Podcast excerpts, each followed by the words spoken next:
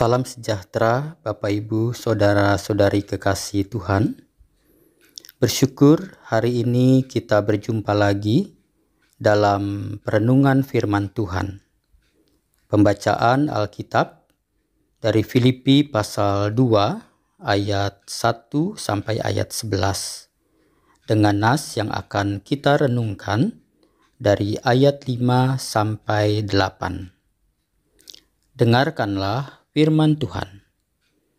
Hendaklah kamu dalam hidupmu bersama menaruh pikiran dan perasaan yang terdapat juga dalam Kristus Yesus, yang walaupun dalam rupa Allah tidak menganggap kesetaraan dengan Allah itu sebagai milik yang harus dipertahankan, melainkan telah mengosongkan dirinya sendiri dan mengambil rupa seorang hamba dan menjadi sama dengan manusia. Dan dalam keadaan sebagai manusia, ia telah merendahkan dirinya dan taat sampai mati, bahkan sampai mati di kayu salib. Saudara, demikian pembacaan Alkitab. Berbahagialah setiap orang yang mendengarkan firman Tuhan dan yang memeliharanya. Haleluya! Bapak, Ibu, saudara-saudari yang dikasih Tuhan, setiap kita adalah bagian dari komunitas tertentu, entah itu keluarga, gereja, atau masyarakat. Keutuhan sebuah komunitas, saudara-saudara, ditentukan dari sikap anggota-anggotanya, yaitu sikap menghargai satu sama lain dan menganggap setiap orang penting dan berharga. Bila dalam kehidupan bersama dalam komunitas ada orang-orang yang menganggap dirinya lebih penting, lebih utama dibandingkan yang lain, maka keutuhan, kesatuan komunitas itu akan terancam. Saudara-saudara yang dikasihi Tuhan, Rasul Paulus dalam bacaan kita melihat adanya ancaman seperti itu dalam kehidupan dalam jemaat Filipi, yaitu adanya orang-orang yang bersikap mementingkan diri sendiri, sehingga mereka menganggap orang lain tidak penting. Sikap ini, saudara-saudara, merupakan sebuah wujud kesombongan karena menganggap diri lebih baik, lebih hebat daripada orang lain. Sikap ini, saudara-saudara, dapat menghancurkan hubungan antar pribadi dan berpotensi menghambat pertumbuhan jemaat dan kesaksian jemaat sebagai komunitas orang percaya. Saudara, Orang dengan sikap seperti ini biasanya mereka senang menerima pujian bagi diri sendiri, tapi mereka tidak menghargai orang lain. Mereka senang dilayani dan dihormati, tapi tidak melayani dan tidak menghormati sesama. Mereka biasanya senang berbicara tapi mereka tidak mau mendengarkan. Mereka senang diperhatikan, tapi tidak mau memperhatikan sesamanya. Orang seperti ini, saudara-saudara, biasanya adalah orang-orang yang mudah marah dan mudah tersinggung. Karena itu, mereka juga adalah orang-orang yang sulit untuk bekerja sama dengan orang lain. Itulah sebabnya sikap menganggap diri lebih penting, lebih utama daripada yang lain, mengancam keutuhan jemaat. Saudara-saudara yang dikasih Tuhan, menanggapi ancaman ini, Paulus mengajak jemaat Filipi untuk menaruh pikiran dan perasaan yang terdapat juga di dalam Kristus Yesus. Atau dengan kata lain Rasul Paulus mengajak jemaat untuk mencontoh sikap hidup Yesus atau mengajak jemaat untuk hidup seperti Yesus sendiri yaitu hidup rela melepaskan identitas dengan segala haknya sekalipun dia adalah Allah. Hidup seperti Yesus sendiri adalah hidup yang rela merendahkan dirinya supaya orang yang berdosa dapat diselamatkan.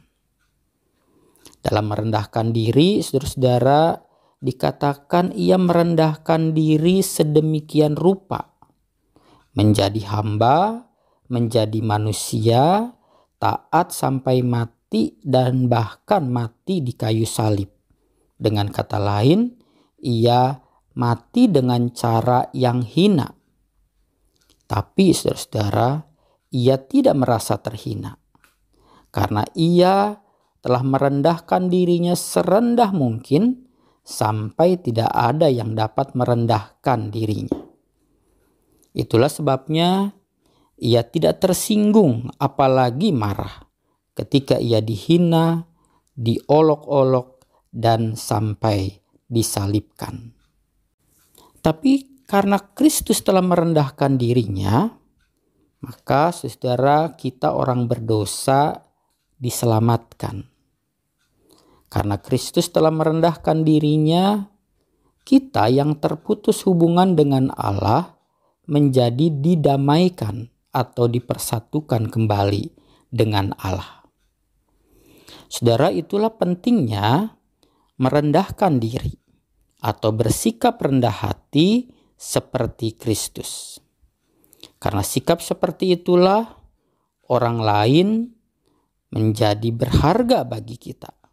Sehingga keutuhan hidup bersama baik dalam keluarga, dalam jemaat maupun dalam bermasyarakat itu akan tetap terjaga. Saudara-saudara yang dikasih Tuhan, merendahkan diri memang bukan perkara yang mudah. Karena saudara, pada dasarnya kita adalah manusia berdosa yang penuh dengan keegoisan atau penuh dengan pementingan diri sendiri di atas orang lain. Namun, Kristus telah menebus kita dan memberikan teladan bagi kita untuk hidup dalam kerendahan hati. Saudara-saudara, tanpa kerendahan hati, keluarga tidak akan utuh. Tanpa kerendahan hati, jemaat bisa terpecah.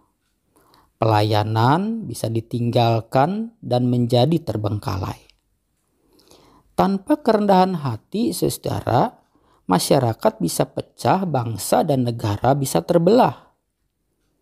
Jadi, dengan begitu, saudara-saudara kekasih Tuhan, bila kita dapati keluarga kita masih utuh, bila kita melihat jemaat masih bersatu dan masyarakat tidak terpecah, itu saudara tanda bahwa masih ada orang-orang yang merendahkan diri atau bersikap rendah hati dalam kehidupan keluarga, dalam jemaat, dan dalam bermasyarakat. Saudara-saudara kekasih Tuhan, mungkin yang merendahkan diri itu sehingga keluarga kita tetap utuh adalah pasangan kita.